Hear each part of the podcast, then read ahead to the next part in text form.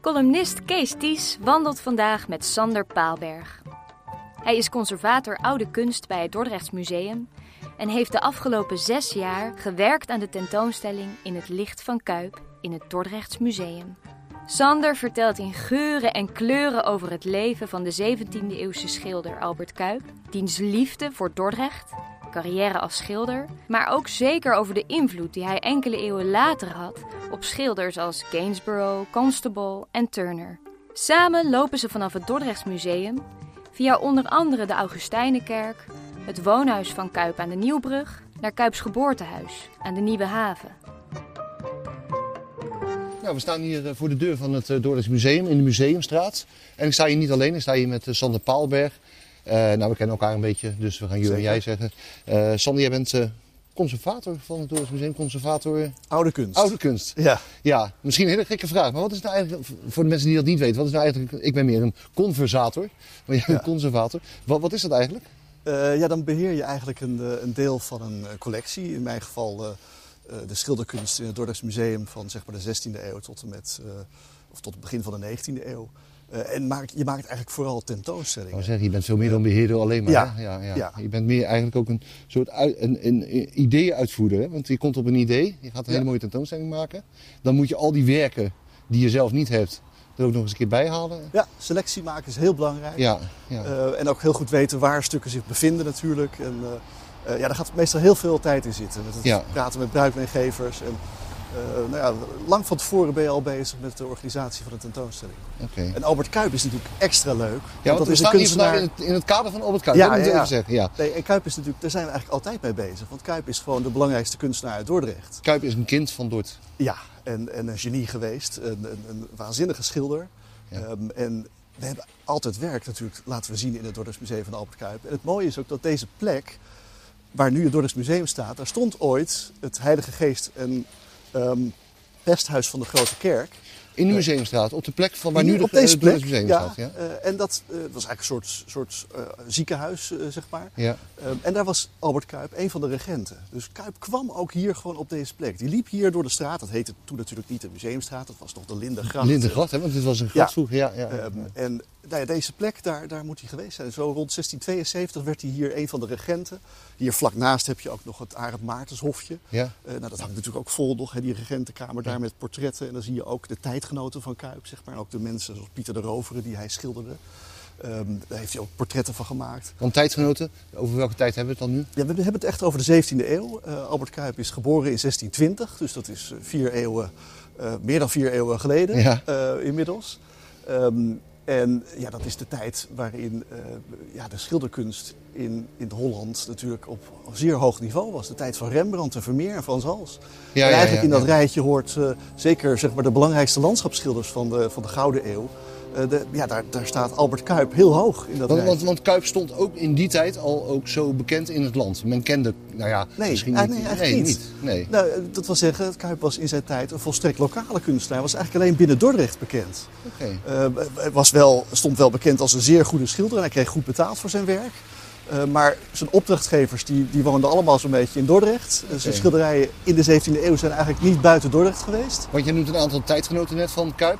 Ja. Maar die, eh, die hadden geen flauw idee. Nee, eh, die kenden dat werk eigenlijk, eh, eigenlijk nauwelijks. Nee. Eh, nee, dat was alleen binnen Dordrecht was het een, een bekendheid. En dat Ja. zou pas later veranderen. Oké, nou we gaan, we, gaan, we gaan aan de wandel, want we gaan Ja. allerlei plekjes ontdekken die op de een of andere manier iets met Kuip te maken hebben. We Ja. komen dus nu, we laten het Dordrechts Museum eh, achter ons. Hè? We steken de Museumstraat over. En we gaan straks volgens mij door de kloostertuin richting de Augustijnenkerk. Ja, de Augustijnenkerk is natuurlijk een belangrijke plek. Eh, dat, dat heeft heel veel met Kuip te maken. Maar het is natuurlijk een fantastisch idee dat je gewoon weet dat Kuip hier ook door de straten liep. Eh, en dat die stad, waar nog heel veel eigenlijk best 17e eeuwse plekken te vinden zijn. Ja. ehm, Maar dit, dit stukje, de lastige Eenstraat, heette dat toen al zo? Nee, ja, dat, eh, in het, hier was, stond een huis, dat heette Ja. In het Lastig End.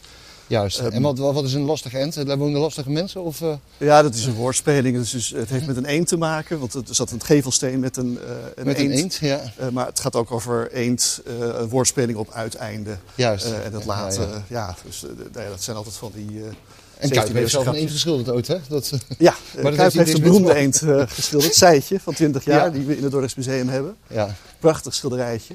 Ja. Uh, en dat is het leuke, dat ook veel van de onderwerpen van Albert Kuip zijn heel lokaal. Ja. Um, hij is in feite ook een, uh, was hij een portretschilder, dus hij schilderde Dortenaren uit die tijd. Uh, maar hij heeft natuurlijk ook de mooiste gezichten op de stad geschilderd. Ja. Wat, wat is er bekend van Kuip, van de mens Kuip? Wat, wat voor type mens moet ik voor me zien? Ja, dat is altijd heel lastig, want er is heel weinig over geschreven. De, de mm. eerste biograaf van ja. Albert Kuip, dat is Houbraken. Ook een schilder en schrijver ja. uit Dordrecht. Um, en die schrijft in 1718 zijn, zijn, zijn grote boek, de, um, uh, ja, eigenlijk de, de, de, soort kunstenaarsbiografie van alle kunstenaars uit de 17e eeuw. Dus door hem weten we ook heel veel van Rembrandt. Um, en over Kuip schrijft hij niet zo heel veel. Uh, hij zegt wel, dat vind ik ook wel grappig, dat Albert Kuip volgens Houbraak een man van onbesproken leven was. Uh, en ouderling van de gereformeerde kerk. Dus hij benadrukt dat het een zeer uh, Calvinistische... Uh, Zedig man. ja, absoluut. um, en ook wel grappig, hij noemt een motto van Albert Kuip. Ja. in harde Rijksdaalders komt de mot niet. wat waarschijnlijk erop slaat dat Kuip een beetje zuinig en zakelijk was. Ja. en vooral met geld bezig. Um, en dat kan eigenlijk heel goed kloppen, want hij heeft in ieder geval heel veel verdiend aan uh, het, het, schilderwerk wat hij deed. Vakmanschap, want dat Absoluut. was natuurlijk. Ja, ja. Uh, maar het is ook weer bijzonder dat hij uh, eigenlijk vrij snel stopt met schilderen. Ja, hij, dan, dan stort hij zich ook helemaal in het kerkleven, heb ik begrepen. Ja, en, en allerlei nou ja, taken voor het stadsbestuur. Ja, um, En um, ja, dan stopt hij met schilderen eigenlijk als hij getrouwd is met Cornelia okay. Bosman, een rijke weduwe. Ja. Um, hij is getrouwd hier in de Augustijnenkerk. Ja, we zijn nu vlakbij de Augustijnenkerk. We zijn in de, in de Hofstraat bijna. Ja. En dan lopen we zo uh, naar de Augustijnenkerk toe. Even tussendoor. Uh, ja. werd, werd hij in zijn tijd nou gezien als kunstenaar of gewoon als een vakman? Uh, het, het, het vak van schilder was natuurlijk een, echt een ambacht. Ja. Um, en het hele ja, romantische idee wat we tegenwoordig hebben van een schilder...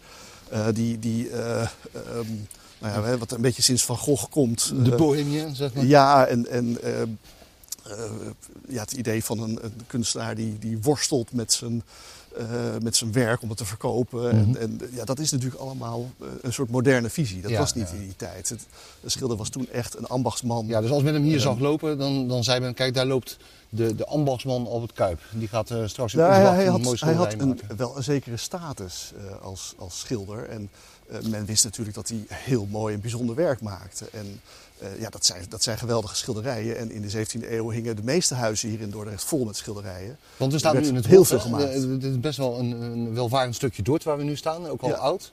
er wonen dus veel mensen in, in deze konterijen die een klein beetje cent hadden, zal ik maar zeggen. Uh, ja, veel, veel rijke kooplieden. Ja. Um, maar eigenlijk ook vooral de bestuurlijke elite die zich heel graag wilden laten portretteren. Die, die lieten zich al door de vader van Albert Kuip, Jacob Kuip, ja. de, de portretspecialist, schilderen. Uh, dat was heel belangrijk voor het netwerk ook van Albert. Want heel veel van die mensen gingen ook de landschappen van Albert later kopen. Ja. Um, en ja, vooral rijke kooplieden, wijnhandelaren ook. Ja, maar kochten werk had hij een kantoor dan of zo?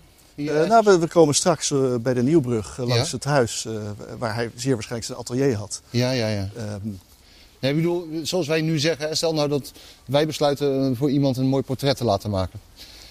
Dan, dan gaan we onze relaties bellen en dergelijke. En, en dan heb jij een voorkeur en ik heb een voorkeur en dan komen we uiteindelijk tot een keuze. Ging dat vroeger dan ook zo?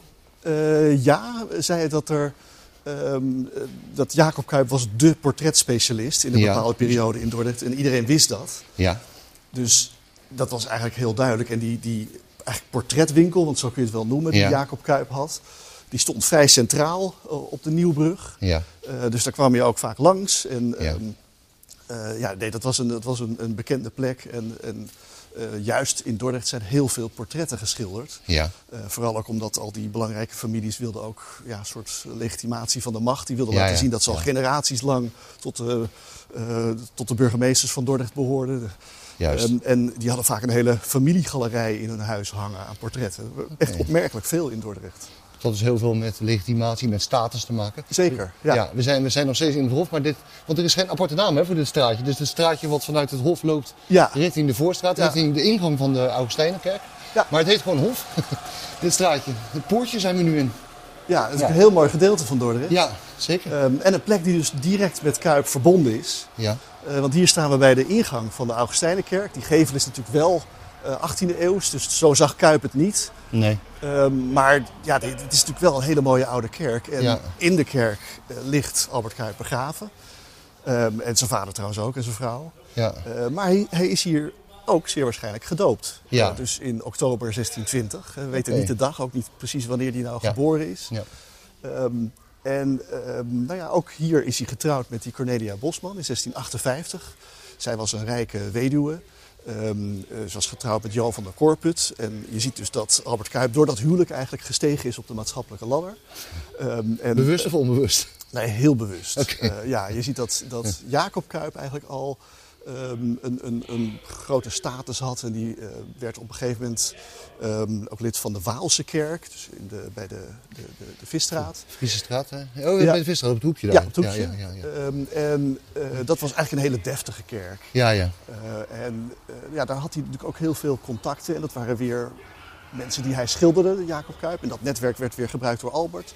Dus ze waren wel heel bewust bezig om het netwerk te verbreden. Om dus ook een beetje strategisch te Ja, trouwen. want er was En, nog een eh, broer, er was nog een broer van Albert Ja, Benjamin. nee, Jacob heeft nog een, een halfbroer. Een dat is Benjamin ja? Ja, ja, ja. ja. Eh, En dat is ook een schilder, ja. Ja, ja, dus we ja. hebben het echt over een, een, een familie van kunstenaars. Ja, Eh, want ja. ook de vader van Jacob Kuip, dus de opa van Albert, was Gerrit Gerritszoon Kuip. Dat was ook een kunstenaar. was eigenlijk een soort eh, glasmaker of glasschrijver. Dus die maakte gebrandschilderde ramen en dergelijke. Maar deed ook grof schilderwerk. Die eh, deed ook bijvoorbeeld eh, de decoratie, ehm, nou, bijvoorbeeld de Groothuispoort, de, de, de stadswapens heeft hij geschilderd in 1618. Eh, dat weten we dan door een opdracht in het archief. Eh, dat is waarschijnlijk ook gedaan voor de synode. Moest alles natuurlijk mooi gemaakt worden weer.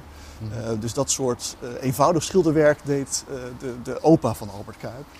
Eh, maar dat was ook zo'n, ja, ook lid van het, het gilde en het, echt zo'n ambachtsman. Familie Kuip was dus echt, dat was een begrip in Ja. Dordrecht in, in die tijd. Dus eh, nog even over de Augustijnenkerk. Hè. We, Ja. we kunnen eh, eh, mensen die deze wandeling eh, willen maken, die wij nu maken, Ja. die kunnen dus ook, eh, als ze een beetje geluk hebben, naar binnen. Want soms is de kerk ook echt open voor het publiek. En dan kun je kijken naar de plek waar eh, hij begraven is. Ja, dat is wel even zoeken, want dat is onder een koorbank. Ja. Eigenlijk een beetje, Beetje eh, achteraan, merkwaardig. hè? Ja.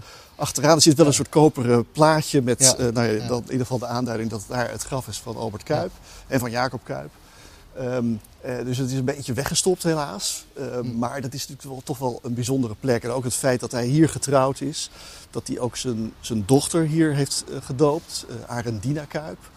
Eh, dus dat is 1659 wordt zij dan geboren. En dat hij ook dienstbaar was aan de kerk zelf. En dat hij op een gegeven moment gaat hij hier werken, Ja. als het ware. Eh, hij wordt hier diaken en ouderling. Eh, heeft, ja, dus op het moment dat hij eh, niet, eigenlijk nauwelijks meer schildert, dan is hij vooral hier bezig met ja, zijn kerkelijke taken. Juist, we- weten we daar, want waarschijnlijk houdt de geschiedschrijving daar misschien een klein beetje op over Kuip. Ik bedoel, weten we iets over zijn laatste levensjaar? Nou ja, we weten over die laatste periode, hij is in 1691 overleden. Ja. Dus hij wordt zo, eh, ongeveer 71 jaar geworden. Ehm, en in die periode is hij dus alleen maar bezig met dit soort eh, ja, eh, taakjes voor de kerk en, en voor allerlei liefdadigheidsinstellingen. Ehm, dus ja, dat, dat is wat je dan deed als je tot een betere familie behoorde. Ja, ja, ja. Ehm, dus, Waren er ook kinderen Kuip? de, dus Arendina Kuip is de dochter van Ja. Albert, die hier Ja. gedoopt is. Ja, Ehm, en die zou trouwen met Pieter Onderwater, die zou op Dordwijk gaan wonen. ja, ja. Ehm, en eh, die, die kreeg zelf ook, dus ook weer grappig, hè? Albert Kuip is zelf enig kind. Ja. Hij krijgt dan zelf één kind, dus Arendina Kuip. Die trouwt dus met die Pieter Onderwater, die krijgt ook weer één kind. En, maar dat is dan ook weer een, een kind dat dan, ik geloof op zesjarige leeftijd, een jongetje Cornelis Onderwater, die dan eh, dus jong overlijdt op zesjarige leeftijd al. Eh, en daarmee is ook eigenlijk de, nou ja, de directe lijn De, van de, de familie dynastie Kuip- Kuip is voorbij. Ja, is Je kunt- je zou niet, want ik, ik, ik meen me herinneren dat we ooit een keer in het Dordrechts Museum een tentoonstelling hebben gehad over de gebroeders De Wit. Ja. En toen zochten we naar nazaten van De Wit. Dat is toen niet helemaal gelukt, geloof ik. Echt Ja, nou, er waren toen wel wat Ja. eh, families die natuurlijk wel direct verbonden Ja, waren maar met, met Kuip is dat onmogelijk. Eh, met, met, nee, ja, nee, dat is onmogelijk. Ja, dat, eh, er zijn ook nu geen mensen meer die Kuip heten. Zeker niet met C-U-Y-P. Leuk om te weten. Even voor de wandeling. We staan nu dus voor de ingang van de Augustijnenkerk. Die er dus anders uitziet dan Kuip hem destijds beleefd heeft. Omdat Ja. er inmiddels een andere nou ja, gevel op zit, zeg maar, een 19e eeuwse gevel. 18 eeuw. Eh, of, ah, sorry, ja. En, eh, maar nu gaan we verder wandelen. Waar gaan we naartoe? Eh, ik stel voor dat we de Voorstraat inlopen, eigenlijk Ja. richting de, de Munt. Ja. Dat is natuurlijk ook een mooie plek. Hier dus langs Steeg over Sloot. Ja, Hoeks tegenover Sloot, Voorstraat Noord heet dat, hè, geloof ik. Ja, en, en hier nou ja, het pand van Pictura zien we aan de rechterzijde. Ja. Ook belangrijk eh, voor Eh, kunstenaars. ah, Dat, maar dat bestond toen. eh, Nee, nee, dat is in de nog 18e niet, hè? eeuw Ja, pas door de gebroeders van. Strij Ja. onder andere opgericht. Dus daar zat waarschijnlijk iets anders toen. Ja, Je weet niet toevallig wat? Eh, nou ik geloof een pand van waar een, ook een van de verzamelaars zat van werken van Kuip. Oké. Die woonde hier meer natuurlijk in de Voorstraat en ook in de Wijnstraat vooral. Want hier wonen die rijke koopmensen en die rijke bestuurders. Zeker. Hier zien we het, het pand van eh, de Munt met het prachtige muntpoortje. Naast Pictura dus. Ja, Ja. en dat is wat Kuip zeker zo gezien heeft. Hè. Ja. Dit is een, een poortje uit 1555, hè, een tijd van Karel V uh, gemaakt. Was toen nog dus een de- vers poortje dan, zeg maar. Ja, ja eh, nog redelijk vers. En, en, maar het is nog steeds natuurlijk een prachtig eh, oud poortje. Ja. De Kuip is daar zeker onderdoor gelopen. En het leuke is ook wel dat in de munt, hè, waar natuurlijk de munten voor de graven van Holland werden geslagen, Ja. eh, daar zat de rechtkamer. En in de rechtkamer, daar hingen allerlei groepsportretten van muntmeesters. Want die wilden dat natuurlijk graag laten zien dat ze daar werkten. Dat was een, een erfelijke baan. Ehm, en had ook een hoge status. ja. En Jacob Kuip, dus de vader van Albert, Ja. die heeft één van die groepsportretten gemaakt. Want hij was de portretschilder, dus het Ja. is logisch dat hij daartussen zat. Eigenlijk. En dat is eigenlijk zijn vroegste portret, Ja. 1617 Ja. schildert hij dat. Dan, het is het jaar waarin Jacob Kuip in het gilde werd ingeschreven. En het aardige is, dat is dan zo'n heel, ja, zo'n regentenstuk, een groepsportret met allemaal koppen, mensen naast elkaar. Ja. Eh, maar Jacob Kuip heeft zichzelf daarbij gezet. Hij was helemaal niet lid dus van dus de we munt. weten hoe Jacob eruit zag. Ja, ongeveer. dat is Ja, een echt een zelfportret. Ehm, en hij staat daar dan met palet en kwasten in de hand en eh signeert dat dan ook vol trots. Dus het is heel ambitieus. eh, Het is zijn eerste belangrijke opdracht. Hij Kunnen mensen zelf dat zien op. trouwens, die wandeling? Eh, eh, dat schilderij dat, is, dat zit in het Dordrechts Museum. ja, Ehm, dus dat is normaal wel te zien in het museum. ja. En ehm, eh, ja, daar zie je dus ook voor het eerst de naam Kuip op. Dat is de eerste keer dat de naam Kuip voorkomt. Oké. Ehm, en ja, dat is dus 1617. Dus En dat is, dat is vader Kuip, zeg Ja. maar. Ja, ja. Ja, de oude Kuip. woordje, er staat een tekst op. Dit is die munten des Romeinse keizers, denk ik, staat er. ja. En grafelijkheids van Holland. Ja. Eh, Ja. ja. en in de tijd van Kuip zat er nog een bordje boven. En de gevel zelf ehm, is ook aangepast helaas. Ja. Maar het is nog steeds een prachtig eh, poortje. ja. Ehm, Want we zien ook een portret van een Romeinse keizer, toch? Ja, en, en rechts ook een, een vrouwenmedaillon. Dat is natuurlijk een heel, heel erg renaissance poortje. Ook van dat, dat rolwerk en die mooie arabeske dus, eh, versieringen. En het jaartal 1555 zie je er ook in staan als je heel goed kijkt. Ja. Oh ja. ja. Het zou trouwens zomaar kunnen dat Albert Kuip, ook nu, wat wij nu ook gaan doen, dit, bij dit poortje naar binnen ging. Eh, Albert Kuip is hier zeker eh, doorheen gelopen. Ja. En, en vader Jacob Kuip ook. Eh, en tal van andere kunstenaars ook trouwens. Samuel van Hoogstraat was zelf ook een van de muntmeesters. Ja? Dat is een leerling van Rembrandt. Ja. Die is hier ook geweest. Heeft ook twee grote groepsportretten gemaakt die we in het Dordrechts Museum hebben. Want Samuel was een van de leerlingen van Rembrandt. Maar, maar, maar Rembrandt heeft Kuip dus ook wel, eh, nou, niet, misschien niet persoonlijk gekend, maar hij wist wel van het bestaan van Kuip. Dat weten we niet. Ehm, we weten wel dat Albert Kuip in, eh, in Amsterdam geweest moet zijn. Ja. En zijn vader ook. Eh, maar of daar contact geweest is, dat is eigenlijk eh, onduidelijk. Ja. Ehm, ik denk wel dat Albert Kuip het werk van Rembrandt kende. Ja. Eh, en het is opmerkelijk, hè, want Jacob Kuip is waarschijnlijk degene geweest die heel veel leerlingen, waaronder Ferdinand Bol, Ja. ook weer uit Dordrecht, naar Rembrandt gestuurd heeft. ja, want dat is ook de stad van de Rembrandt-leerlingen, zeg maar. hè? Ja, en, en Jacob Kuip was een kunstenaar die heel goed wist wat er in andere steden allemaal gebeurde op kunstzinnig gebied. Ja. Eh, en die heeft waarschijnlijk gezegd van nou ja, als je historisch schilder wil worden, dus verhalen uit de Bijbel wil gaan schilderen, ehm, dan moet je naar Rembrandt toe, want dat is op dit moment de allerbeste op dat gebied. Ja, ja. Eh, en zo heeft hij dus een, een, een, een van zijn le- eigen leerlingen, Ferdinand Bol, die dus eerst bij Jacob Kuip leerde, naar Amsterdam gestuurd. Maar het grappige is, Albert Kuip, die wordt niet weggestuurd naar een andere Nee, nee, nee, leermeester. ja, Ehm, die, houdt hij eigenlijk het liefst voor ja. zichzelf. Eh, Ja, en die is ook echt een soort assistent eh, ja. ehm, in, het, eh, ja, in de werkplaats van Jacob Kuip. Oké, heeft, heeft de vraag overigens niet ooit gespeeld of eh, Rembrandt misschien een keer in, in Dordrecht eh, geweest is of zo? Dat, dat, Eh, ik me ja, daar iets van herinneren. Het, dat zou best kunnen dat dat zo is. Eh, we weten dat eh, eh, Rembrandt een aantal belangrijke Dordtenaren geportretteerd heeft. Ja, Eh, en bijvoorbeeld eh, Jacob Trip en Margarethe de Geer, Ja. dus uh, puissant rijke Dortenaren die, die rijk werden met de wapenhandel eh, Mhm. eh, in de 17e eeuw, ijzerhandelaren. Ja. Ehm, en die zijn eerst door Jacob Cuyp geportretteerd, Mhm. toen zelfs ook door Albert ehm, en vervolgens door Rembrandt. Dus eh, nou ja, wie weet dat eh, Rembrandt hier geweest zou zijn. Dat, zou dat kunnen, hoeft niet, want het kan Nee. ook heel goed zijn, zo zijn dat Margarethe de Geer naar Amsterdam ging om haar portret daar door Juist. Rembrandt te laten maken. Want het is een endreis hè, van Dordrecht naar Amsterdam in die tijd, want je had nog geen treinverkeer Ja. natuurlijk. Eh, Dat ging dan via het water neem ik aan.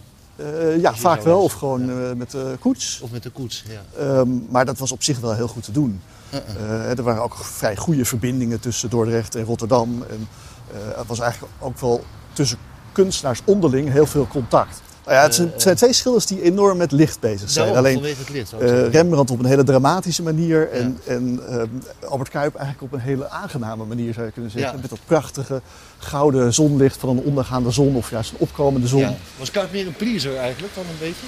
Eh, in die zin wel ja, het zijn zeer aangename landschappen. Ja.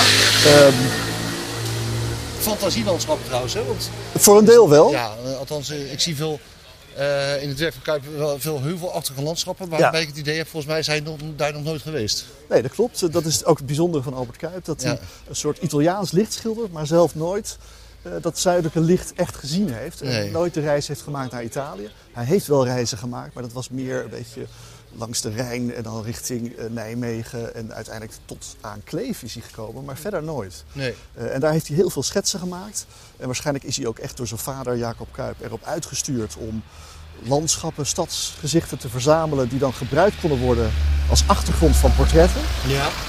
Ehm, dus hij was eigenlijk meer lange tijd een assistent van zijn vader, maar had natuurlijk een groot talent. Ja. Eh, en dat is eigenlijk voor een groot deel. Dus hier waar we nu zijn, ja. we lopen nu op de Nieuwbrug op. Eh, maar hier nog op de hoek van de Voorstraat en de Nieuwbrug, Ja. daar stond het woonhuis van Jacob Cuyp. Ehm, Hier ergens dus. eh, ja, ja, het is helaas ooit. is. Het is in de 19e eeuw is het afgebroken om de toegang tot de brug te vergroten, te verruimen. Ja. Ehm, maar hier stonden eigenlijk twee grote woonhuizen. Eh, Ja. echt aan de voorstraat stond het huis Het Kruis. Ja. Ehm, daar woonde iemand anders. En daarachter, dus eh, meer naar het water toe, Ja. eh, daar stond het huis dat heette eerst eh, het Land van Belofte. En later het eh, huis Samson. Eh, er is ook, het enige wat ervan bewaard gebleven is, is een gevelstree. In de Nieuwstraat zit dat ingebouwd, in een ander pand. Ook wel weer grappig. Maar dat huis Samson stond dus hier. Ja. Ehm, en dit is de plek waar echt de portretwinkel zat van Jacob Cuyp. Dus heel centraal in de stad natuurlijk ook. Hè. Veel mensen kwamen hier langs. Eh, veel rijke Dordtenaren die kwamen hier om zich te laten portretteren door Jacob Cuyp. Albert is geboren op een andere plek waar we zo heen zullen lopen. Ja. Maar waarschijnlijk al op, nou ja, toen hij een jaar of twee was, zijn ze verhuisd naar deze plek. Eh, en daar is Albert ook nog blijven wonen. Ook na de dood van zijn vader. Eh, heeft hij die portretwinkel eigenlijk voortgezet. Mhm. Ehm, en ehm, als hij dan trouwt met Cornelia Bosman in Ja. 1658, dan daarna gaat hij pas verhuizen. Eh, maar hier is het voor een groot deel gebeurd. Hier zijn dus zeer waarschijnlijk ehm, de meeste schilderijen van Albert Cuyp ook ontstaan. En je kan je ook heel goed voorstellen dat Albert Cuyp hier eh, dus als jong knulletje opgroeide in het atelier van zijn vader en zag hoe die, die belangrijke Dordtenaren hier kwamen poseren. Ehm, en hoe die langzaam eigenlijk erin gerold is. Want hij zag zijn vader natuurlijk ook werken. aan het werk schilderen en hij Ja. moet dat fascinerend hebben gevonden. Ja. Ehm, en hij wordt dus ook echt een assistent van zijn vader. Het was ook heel gebruikelijk in de 17e eeuw dat je eigenlijk het beroep van je vader natuurlijk ehm, Overnam, Ja. zeg maar. Ja, ja. zeker. Dus zijn vader heeft hem leren schilderen? Of zijn ja, dat is echt zijn, zijn eh, eh, belangrijkste leermeester geweest. En eh, we weten eigenlijk niet van andere leermeesters Nee, nee, van nee. Albert. Wel dat hij contact heeft gehad met andere kunstenaars. Ja. Eh, maar op deze plek, dat is toch wel heel bijzonder. Dat je, ja, je kijkt nu naar tegen de, de gevel aan van nummer drie, Ja. eh, waar een deur zit. Maar hier stond dus gewoon nog een volledig pand. En, ehm, het was eigenlijk best een duur pand. En Ja. Jacob Cuyp heeft het zelfs ook laten verbouwen. Ik geloof in 1632. Ehm, En misschien wel met een etalage of zo? Waarbij je, eh, nee, nee hij heeft, dat was de, de hele achterkant. Ja. Ehm, daar, dat is ook wel grappig, want hij, eh, Jacob Kuip vraagt dan ook aan het stadsbestuur of hij niet te hoog aangeslagen mag worden voor het verpondingsgeld, voor de belasting. Ja. Ehm, want hij heeft dat hele huis laten uitbouwen en dat, hij, hij zegt dan ook, ja, dat, was, dat is nu echt tot sieraad van de stad geworden. Terwijl het eigenlijk een soort eh, beetje vuile, stinkende pishoek was. Waar mensen, nou ja, dronken mensen langsliepen s'na- s'avonds.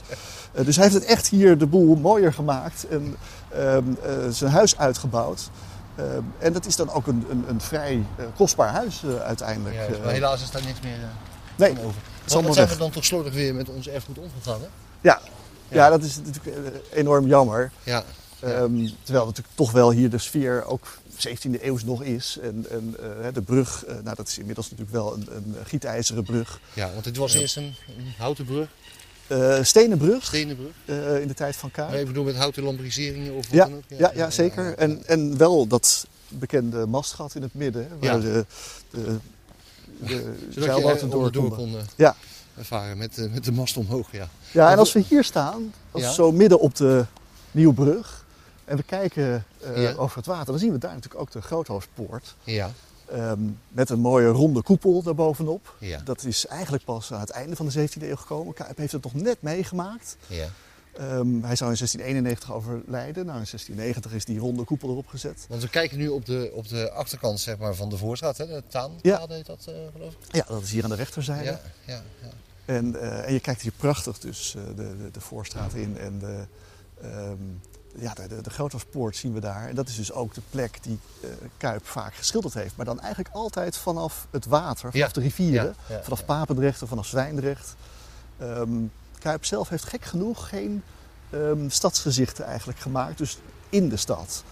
Ehm, hè, dat zou je wel verwachten, maar het is altijd, probeert hij de stad te laten zien vanaf het water, waardoor je een heel lang stadsprofiel ziet met vaak ook de, de toren van de grote kerk. Echt, de, de- ja, zoals de stad het meest herkenbaar is, zeg maar. Ja, wat gebeurde er destijds met die werken van Kuip? Ik bedoel, hij, eh, eh, vader schilderde vooral portretten. Ik neem aan dat Albert dat ook wel deed, zo nu en dan. Ja, Albert neemt dat over. Hè. Die maakt over, opdrachten ja. af. Als zijn vader in 1652 overlijdt, dan zet hij die portretwinkel voort. Juist, maar die, maar, die, maar die vrije werken, zeg maar, die stadsgezichten, meestal vanaf het water, of althans, Ja. je zou kunnen zeggen vanaf Papendrechts of Zwijndrechtse kant naar Dordrecht toe.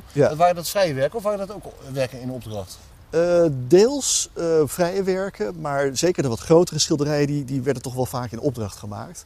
Eh, en we weten ook dat Kuip vaak een, zeg maar pendanten maakte, tegenhangers, twee grote schilderijen bij elkaar. Nou, dat Ja. zijn bijna altijd wel opdrachten geweest. Eh, want dat risico wil je niet lopen dat je dat niet kan verkopen. En wat voor soort mensen gaven dan dat soort opdrachten? Ja, dat zijn eigenlijk de belangrijke families. De, de Van Beverens, de Pompen van Meerdervoorts, de Van Slingelands in Dordrecht. Dus de welgestelde families eh, die vaak ook buitenhuizen hadden.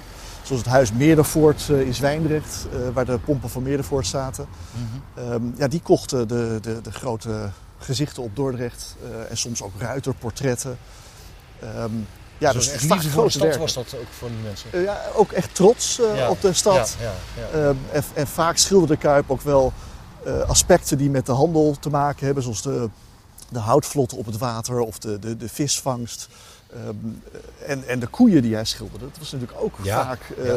Dat was natuurlijk ook een, een belangrijke bron van inkomsten voor veel Dordtenaren. Die eh, ehm, nou ja, vaak land buiten de stad hadden, waar koeien stonden. Eh, en die zuivelindustrie, ehm, nou ja, eh, vooral boter en kaas waren belangrijke exportproducten. Dus Kuip's werk is ook een beetje een, eh, Kuip is een beetje een exponent van de Hollandse welvaart uit die periode. Ja. Absoluut. Ja, ja, Eh, en dat, eh, ja, dit wilden die Dorten- Dordtenaren heel graag laten zien in hun huizen. Juist. Hey Sander, we lopen nu over de, over de Nieuwbrug waar we het net al over hadden. En we gaan, nou we zijn vlak bij de Wijnstraat eigenlijk, hè? vlak bij het hoekje. Ja, dat is ook een mooi gedeelte. En aan deze kant van de Nieuwbrug moet ook eh, een andere schilder gewoond hebben. Jacques de Grief. Of Dat Jacques de Klauw aan heet de hij eigenlijk. overkant van eh, waar het huis op Kuip stond, Ja. bedoel je? Nou ja, dat is leuk dat dus vaak schilders ook dicht bij elkaar zaten. Ja. Eh, en in dit geval eh, Jacques de Klauw die trouwde met een dochter van Jan van Gooien. De bekende landschapsschilder uit de 17e eeuw. Ja. En dat was een kunstenaar die ook echt wel invloed heeft uitgeoefend op vooral het vroege werk van Albert Kuip. Toen Albert Kuip zo'n 1920 was, toen schilderde hij een beetje in de trant van Jan van Gooien. Een beetje, ehm, nou ja, van die bruinige, een beetje monochrome landschappen. Ja, ja, ja. Ook in weinig ook- kleuren. Meestal met licht natuurlijk, met wolken, zon. Ja, eh, ja, een hele lage horizon vaak. Ja. En dat is een beetje het vroege werk van Albert Kuip. ja. En pas later gaat hij dan het, het gouden licht schilderen. Ehm, dat is vooral vanaf 1645 ongeveer, dus dan is hij 25. Oké. Maar Kuip en Van Gooien moeten elkaar dus eh, gekend hebben? Ja, ehm, ja, in ieder geval heeft Kuip heel veel werk van Van Gooien gezien. Ja. En Van Gooien kwam hier ook vaker. Die heeft ook gezichten op Dordrecht geschilderd. Eh, en ook bijvoorbeeld de ruïne van het huis te Merwede Ja, heeft ja. hij geschilderd. Je bedoelt, hij kwam hier vaak, hij woonde niet in Dort. eh. Nee, nee, nee. Jan van Gooien die, eh, woonde eh, in Den Haag. Ja. Is geboren in Leiden. Ja. Maar zijn schilderijen werden hier heel goed verkocht. Juist. Omdat hij ook ehm, eigenlijk van alle stadsgezichten die Jan van Gooien geschilderd heeft... is Dordrecht het, het meest was, was het populairst bij hem. Dat hele grote werk, gezicht op Dordrecht van Jan van Gooien, wat, wat, wat een prominente plek in het Dordrechts Museum heeft, normaal Ja. gesproken. Ja, het is een mooi eh, paneel uit Ja. 1651. Ja, Eh, ja, we lopen nu de Wijnstraat in, ja, richting eh, eigenlijk de boterbeurs die we daar in de verte zien. ja. Dat is ook wel heel leuk. De boterbeurs is het, eh, het gebouw met een torentje erop.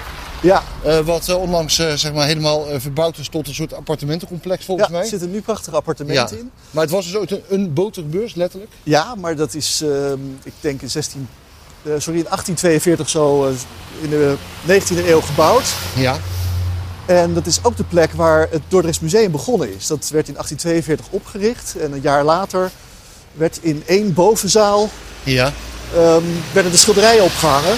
Toen nog heel weinig schilderijen. Ja. En als je nu naar het gebouw kijkt, dan zie je aan de achterzijde een gebouw of een gedeelte in rood baksteen. Met Ja. eh, allemaal glas daarboven, dus boven lichten. Ja. Eh, dat is eigenlijk voor het museum er aangebouwd later. Ja. Toen het uitbreidde, ook met de Scheffercollectie. Eh, toen de collectie groter werd, dus met speciaal licht van boven, wat natuurlijk heel goed is voor schilderijen. Ja. Ehm, en daar hingen dus ook de schilderijen van Kuip. Twee eeuwen later. Ehm, ja, toen eh, het Dordrechts Museum begon. Althans, het duurde Juist. wel even voordat er een, een echte Kuip was. Want we staan nu schuin voor die, voor die voormalige boterbeurs, zeg maar. Of dat Ja. heet dan nog zo, bij de Hoekseer Boeienstraat, Lijnstraat. Ja. Daar is dat eh, prachtige witte gebouw. De moeite waard om dat dus eh, van buiten te bekijken.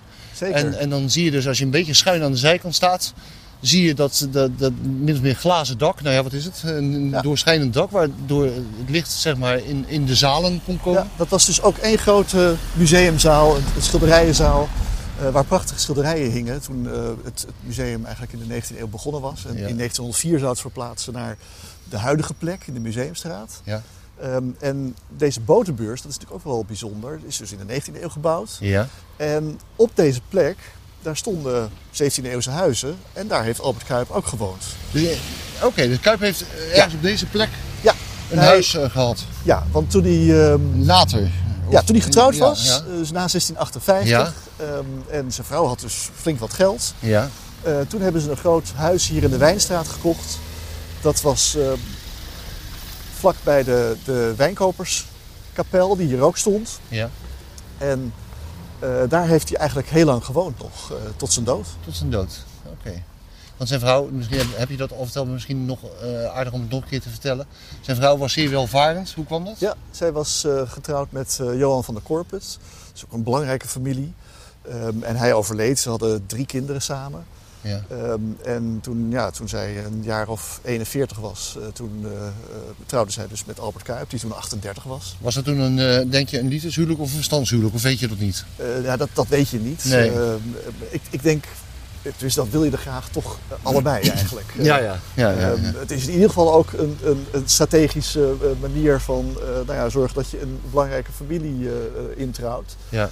Ehm, en, en Dat was heel normaal toen ook, hè? Dat was heel normaal en, Ja. en ook een, echt een, een kans voor iemand uit het ambacht van een schilder ehm, om nou ja, hoger op te komen. Ja, ja. Eh, ja, je kan ook wel zeggen dat Albert Kuip heeft zich een beetje omhoog geschilderd. En die is eigenlijk op het niveau gekomen van zijn klantenkring. Ja. Ehm, En eh, ja, dan, dus na dat huwelijk stopt hij dus ook met schilderen. Eh, dat is het vervelende. Dus hier in de Wijnstraat, ehm, daar zal hij waarschijnlijk nog wel een atelier gehad hebben. We weten ook wel uit archiefstukken, de testamenten, vooral van die Cornelia Bosman. Dat er wordt steeds ook gesproken van schilderijen die hij nog zal gaan maken. Eh, dat die dan van de langstlevende zal zijn, zullen zijn. Eh, maar we weten niet of dat gebeurd is. Nee, Eh, en niet waarom vermoeden- hij dan gestopt is eh, met, met schilderen? Nou ja, omdat hij gestegen is op de maatschappelijke ladder en omdat hij nou ja, eigenlijk niet meer hoeft te schilderen. Nee, om- maar die liefde was er misschien nog wel. Dat zou natuurlijk goed kunnen. Ja, ja. Maar dat, ja, dat blijft altijd opmerkelijk. En als je kijkt naar het bekende oeuvre van de schilderijen die bewaard zijn gebleven, dan, dan Ja. vermoeden we ook wel dat zo rond 1660 de laatste schilderijen gemaakt zijn. Hoewel het wel nog een leerling is die dan doorgaat. Ehm, die, Wie is dat? Ja, dat is Abraham van Kalraad. Dat is zo'n kunstenaar die, die heeft notabene dezelfde initialen, dus AC, waarbij Ja. hij dan ook eh, zijn schilderijen signeert of monogrammeert. Ehm, dus dat is voor ons heel lastig, want lange tijd werden, dat, werden al die schilderijen aangezien voor werk van Albert Kuip. Eh, nu proberen we dat een beetje uit elkaar te halen.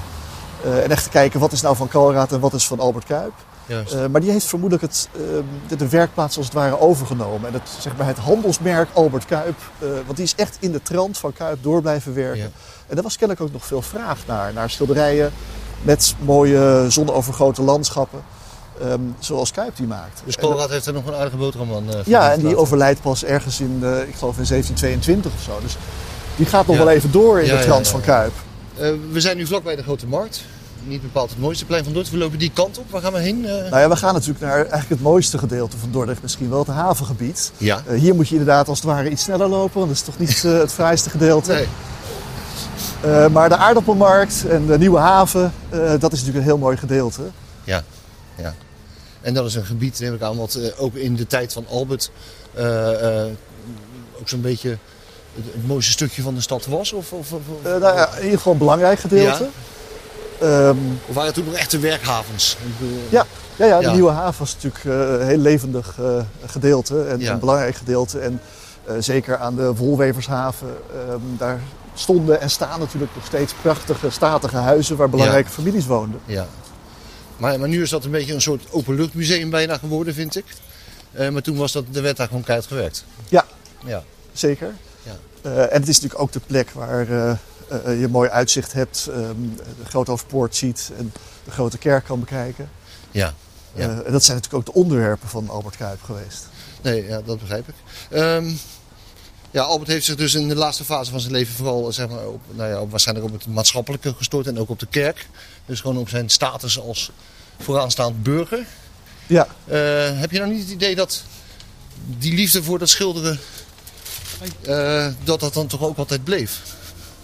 Ik bedoel, eh, ging Ja, hij het daarna is- het is eh, moeilijk voorstelbaar. geven of schilder, zelf schilderijen kopen of wat dan ook? Eh, Daar probeer ik niets bij voor te stellen. ja nee, dat, dat weten we eigenlijk niet. Maar het is natuurlijk heel moeilijk om je voor te stellen dat als je zulke mooie schilderijen maakt, ehm, van, van dat niveau, dat je dan zomaar dat achter je laat.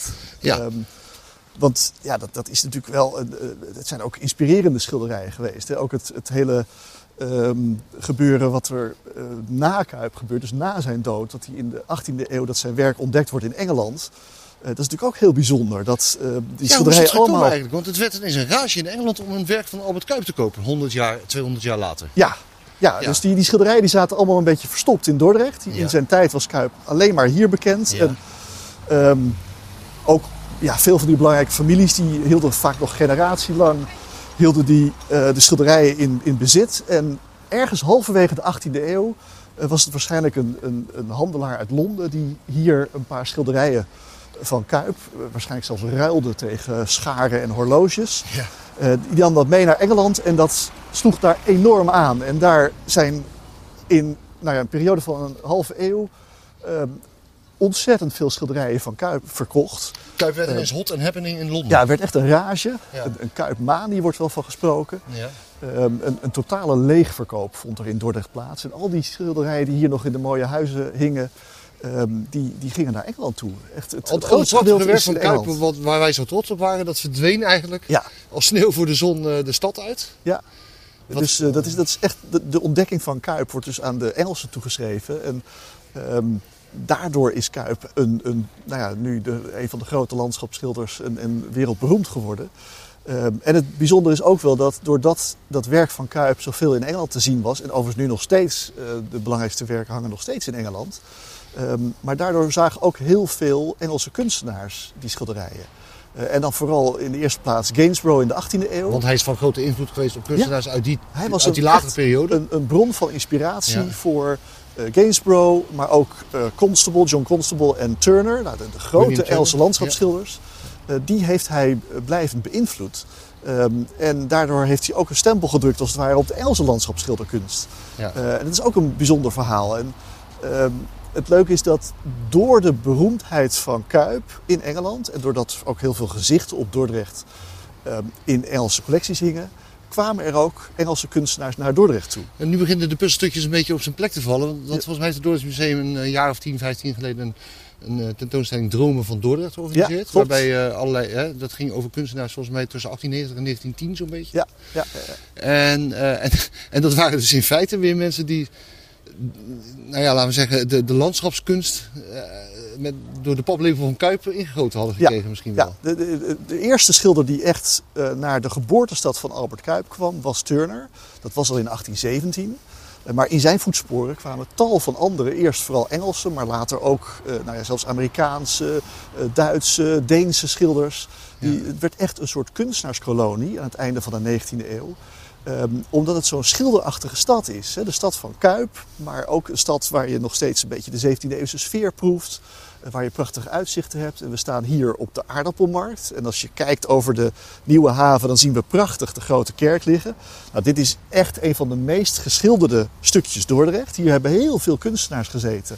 Ja. Turner heeft hier ook gestaan in 1817 al. En we hebben schetsboekjes gevonden waarin uh, prachtige, snelle schetsjes van Turner zijn te vinden met dit uitzicht van de grote kerk. Um, maar heel veel kunstenaars hebben hier gezeten.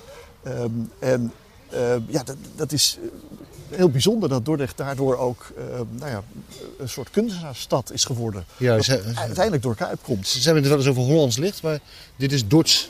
Ja. Licht is eigenlijk Hollands licht. Ja, dit is, het is toch altijd bijzonder licht, doordat er ook zoveel water rond de stad te vinden is. En ja. het, het heel prachtig uh, weerspiegelt eigenlijk. Um, en uh, ja, dat, dat is wat heel veel kunstenaars natuurlijk enorm aansprak. Ja, want wij gaan er nu niet naartoe lopen, maar op, uh, op de Friese straat staat een, een soort uh, abstract kunstwerk met bollen.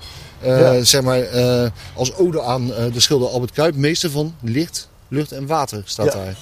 En dat licht, lucht en water, dat is uiteindelijk ook weer de aanleiding geweest voor heel veel kunstenaars, onder andere ook Boudin, dacht ik. Ja, zeker.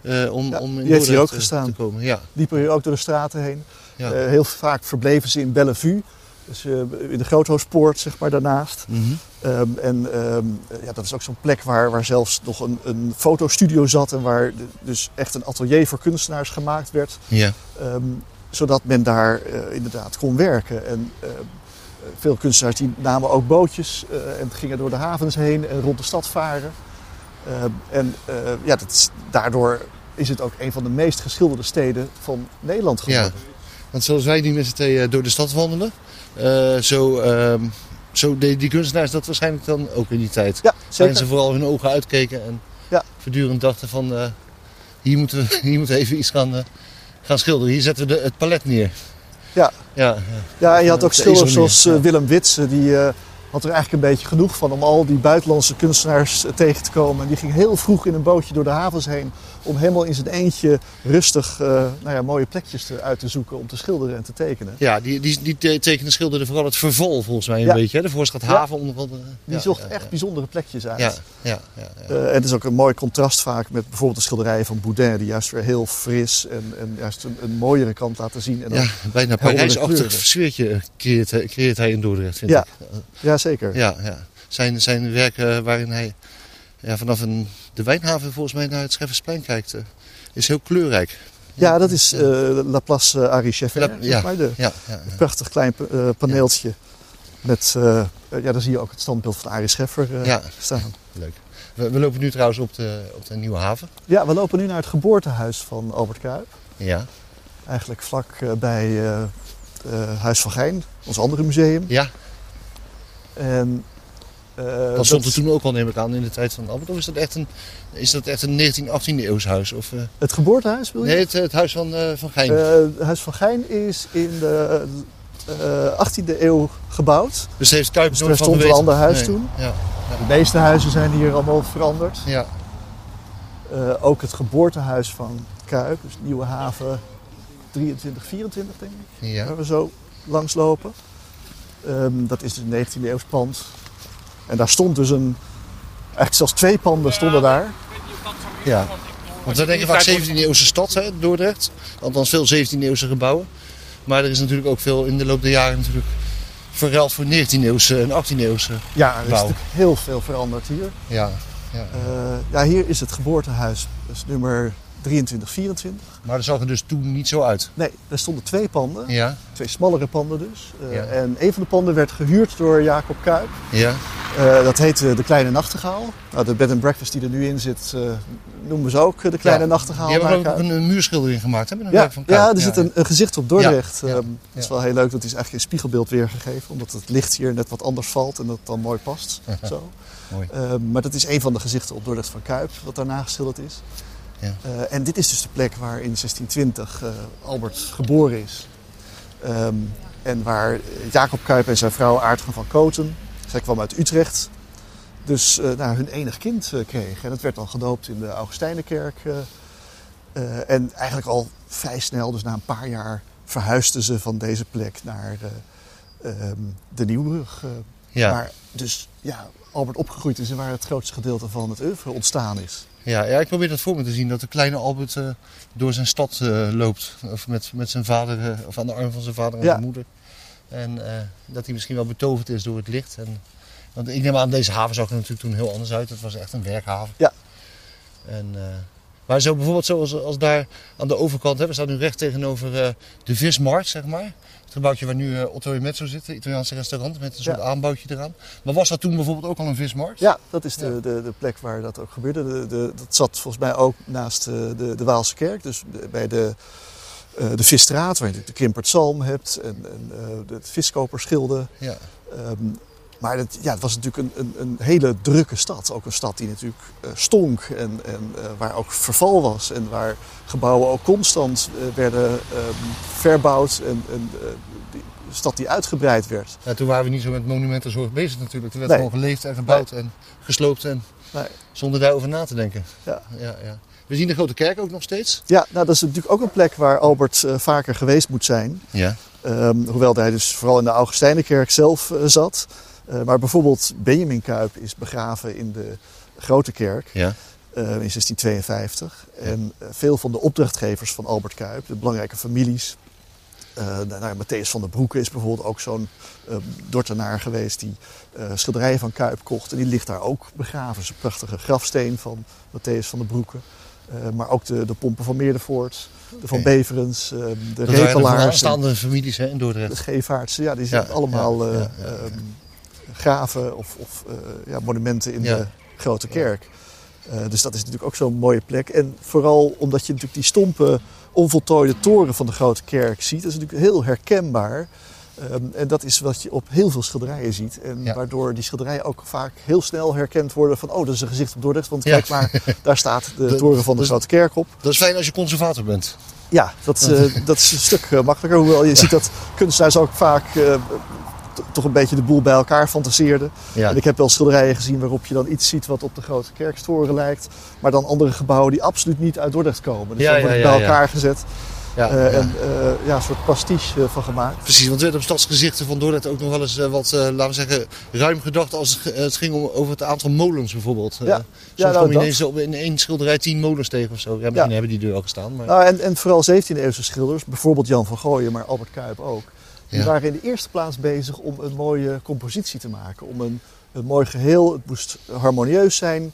eh, de- de- het moest allemaal in evenwicht zijn. dus tot je- meer kunstenaar dan Ja, eh ambachtsman en opdracht dan. nou, en in ieder geval ook niet zomaar een, een, een topografisch exacte of, eh, of iets fotografisch willen vastleggen. Dat, dat hele idee bestond natuurlijk niet in die tijd. Nee. Het ging erom om een, een aangenaam eh, iets waar je van kan genieten, waar je ook trots op was, wat natuurlijk wel herkenbaar moest zijn als Dordrecht.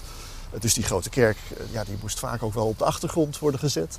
Eh, want dan, ja, dan wist je, het is in een omgeving van Dordrecht. Eh, maar dat hoeft er niet allemaal zo exact te zijn. En eh, Jan van Gooyen staat erom bekend dat hij ook dikwijls een gebouw gewoon omdraaide, omdat hij de andere kant mooier vond. Ja, ja, ja. En eh, dat dat beter uitkwam in de compositie. Dus dat, ja, zo deden 17 Juist. kunstenaars dat. Juist. Zijn, want we staan nu zeg maar, op een soort wandelkade zeg maar, aan, de, aan de Nieuwe Haven. Ehm, zijn er nog meer plekken die we eh, in het kader van een kuipwandeling eh, absoluut niet mogen missen? Nou ja, wat, wat al heel mooi is, is dat we nu vlakbij Huis van Gijn staan. Wat natuurlijk Ja. een prachtig pand is. En Simon van Gijn, de, de, de, de, ja, de naamgever, zeg maar, de, de grote verzamelaar die hier woonde en die dit huis als museum naliet, was natuurlijk ook een groot liefhebber van Albert Kuip. Uh, die had ook een, uh, een, schilderijtje, een portretje, waarvan hij dacht dat het een zelfportret van Albert Kuip was. Nou, dat is helaas niet zo. Het blijkt helemaal niet eens van Kuip te zijn uh, en hem ook niet voor te stellen. Um, en dat is sowieso lastig. We weten niet of er een, een zelfportret is van Albert Kuip of een portret dat door zijn vader gemaakt is. Of... Weet u niet hoe, Kuiper, hoe, hij, hoe Albert Kuiper Eigenlijk eruit niet. Er is wel een, een vroeg portret dat we in het Dordrechts Museum hebben. Of geen portret, maar een, een herderin met kind in een landschap. Waarvan het heel waarschijnlijk is dat Jacob Kuip zijn vrouw en zijn enige kind Albert als model gebruikt heeft. Dus die, dan zien we daar een lachend jongetje van zes jaar oud. En dat zal jongetje, waarschijnlijk ja, ja, ja, wel Albert Kuip zijn. Uh, maar dat is niet als portret bedoeld. En we weten nee. dat dus ook niet zeker. En dat is ook de reden dat er dus geen figuratief beeld van nee. Albert Kuip in de stad hebben. Klopt. Want er wordt wel eens gemopperd hè, over dat werkje, dat, dat bolle beeld, zeg maar, wat in de Friese straat staat. Van, nou ja, ik, ik moet eerlijk toegeven dat ik daar zelf ook wel een beetje aan uh, uh, schuldig ben. Ik denk van, ja, heeft het niet een mooie eerbetoon dan dat? Ja, ja, het is natuurlijk een beetje een omstreden beeld geworden. En het ja. idee van dat er geen portret zou zijn, dat je daarom maar een vrije opdracht mag geven. Ja. En dat het meer gaat om de, de weerspiegeling van uh, het licht. Uh, is natuurlijk op zich heel leuk. Ja. Maar eigenlijk zijn er heel veel portretten van Albert Kuip, zou je kunnen zeggen. Want um, vooral omdat Albert Kuip zo ongelooflijk populair was in de 19e eeuw, is men enorm op zoek gegaan. En ieder portret waar de naam Kuip onder stond, daar zei men van, van nou dat is, dat is de schilder en zijn familie. Ja, ja, ja. Um, en uh, ook als de, de, de samenstelling van het gezin totaal anders was, dan uh, was het toch uh, Kuip en zijn gezin. Ja. Um, dat wilde men heel graag en da daarom ja, werd dat heel vaak zo geïdentificeerd. Uh, maar er is geen enkel zeker portret waarvan we echt okay. zeker weten dat dat Kuip voorstelt. Maar dan nog zou je een mooie figuratief kunstwerk kunnen maken waarin je het gezicht misschien niet heel gedetailleerd ziet. Ja, ja dat zou natuurlijk kunnen. Ja. ja. Ja, op de een of andere manier vind ik Flipje uit de Betuwe toch niet het mooiste eerbetoon aan de nee. Duitse schilder Albert Kuip. In Amsterdam denken ze overigens dat Albert Kuip van hun is, hè? Vanwege die markt. Ja, dat blijft natuurlijk toch altijd uh, het lastige van Albert Kuip. Dat, uh, als je dan heel veel mensen vraagt, dat ze toch als eerste aan de markt in Amsterdam moeten denken. Ja. En ja. daardoor inderdaad ook denken dat Albert Kuip een, een Amsterdamse kunstenaar is. Uh, misschien hetzelfde ook wel een beetje met Ferdinand Bol. Ehm, ja. Die ook, nou ja, zelfs een, een fastfoodketen naar zich genoemd, vernoemd heeft, de Febo. Ja. Uh, en, ja. en door de Ferdinand Bolstraat natuurlijk ook uh, ja. uh, een soort Amsterdamse... Nou, is, Ferdinand Bol is wel in Amsterdam blijven wonen toen hij bij Rembrandt in de leer ging. maar Albert Kuip is zo ongelooflijk lokaal, zo verbonden met Dordrecht. heeft zijn hele leven hier gewoond en gewerkt. Heeft nooit eigenlijk lange reizen gemaakt. Heeft dus alleen maar voor Dordtse opdrachtgevers gewerkt. En zijn schilderijen gaan ook nog eens vaak over Dordrecht. Uh, dat, ja, dat is de ultieme lokale kunstenaar. En, en ja, iedereen moet toch inmiddels wel weten dat Albert Kuip hier uit Dordrecht komt. Eigenlijk nu onze, eigenlijk onze, ons beroemdste kindje is, is Albert Kuip, zou je haast kunnen zeggen. Nou, misschien dat Johan de Wit en Cornelis de Wit een klein beetje met een wedijveren als het gaat om ja, ja, die zijn natuurlijk uh, politiek gezien ja, zeer belangrijk. Ja, ja, uh, maar als je internationaal kijkt, uh, het feit dat die schilderijen van Albert Kuip zich nu over de wereld verspreid hebben. En dat als je in Amerika komt, dat je een gezicht op Dordrecht kan zien dat Albert Kuip gemaakt heeft. Hè, wat ook een soort uithangborden zijn voor de schoonheid van de stad nu. Um, ja, dan, dan zie je dat Kuip echt een, een, een grote, beroemde kunstenaar is. En uh, die eigenlijk dus ja, veel reclame maakt voor, voor Dordrecht. Voor Dordrecht. Want in alle werelddelen zo'n beetje, in alle grote musea, of het nou in, in de Verenigde Staten is, of in Azië, of in Zuid-Amerika, of uh, in Europa, ja. waar dan ook, hangen werken van Kuip. Ja, zeker. Ja, en het, het grappige is dat het vooral dus in de 19e eeuw in Engeland zat. Ja. Omdat de Engelsen nu eenmaal echt gek waren op die zonovergrote landschappen van Albert Kuip. Uh, maar dat het zich later ook wel weer verder verspreid heeft. En, en schilderijen dus vanuit Engeland vaak naar Amerika werden gekocht. Um, en, en, zeker in New York en Washington, maar ook in Los Angeles vind je ook een gezicht op Dordrecht. Um, en uh, ja, dat heeft zich ook verder over de wereld verspreid. Dus ook in de Hermitage in Sint-Petersburg, in het Louvre in Parijs. Alle grote musea, ja, die willen werk van Kuip laten zien. Kuip is een statussymbool geworden. Ja, zeker. Ja. ja. Wie had dat nou kunnen denken? Een Dordtenaar ja. als internationaal uh, statussymbool. Ja. ja, ja. Ik vond het een leuke wandeling, uh, Sander. Ja, nee, uh, graag gedaan. Dat was zeker leuk. Ja, we maken deze wandeling vandaag eigenlijk, Sander, nou, ter gelegenheid of misschien ter ere van de schilder Albert Kuip. Want er hangt een hele mooie tentoonstelling op dit moment in het Dordrechts Museum. die kunnen mensen hopelijk nog een tijdje zien, toch? Ja, we hebben een prachtige tentoonstelling in het licht van Kuip. Eh, Ja. Albert Kuip en Gainsborough Constable Turner. Dat is natuurlijk eigenlijk naar aanleiding van het 400ste geboortejaar van Albert Kuip. Ehm, en- 2020 had hij dus eigenlijk al ja, dat zijn. was eigenlijk het Kuipjaar. Dat hebben we natuurlijk al uitgesteld. Ja, ja. Het is nu natuurlijk een beetje vervelend dat eh, vanwege de lockdown dat het museum dicht is. Maar we hopen natuurlijk dat eh, vanaf 14 januari iedereen weer de tentoonstelling kan bekijken. En kan genieten van die prachtige schilderijen van Albert Kuip.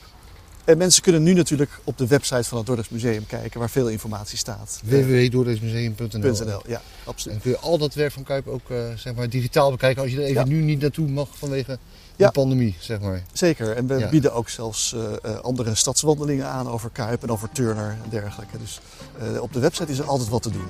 En deze wandeling moet je zeker lopen. Ja, dat is natuurlijk de leukste. Tot zover de wandeling van vandaag. En tot zover deze speciale aflevering van de podcast Het Bewoonde Eiland, die geheel en al in het teken stond van Albert Kuip. U kunt deze wandeling zelf ook gaan lopen.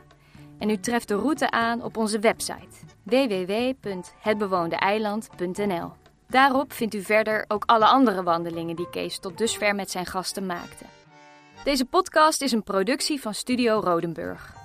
In samenwerking met journalist en columnist Kees Ties en kwam tot stand dankzij een bijdrage van het Dordrechts Museum in het kader van de tentoonstelling In het licht van Kuip. Albert Kuip en Gainsborough Constable Turner. Meer informatie over deze tentoonstelling vindt u op www.dordrechtsmuseum.nl. Mijn naam is Lotte. Ik hoop dat u genoten heeft en ik wens u veel wandelplezier.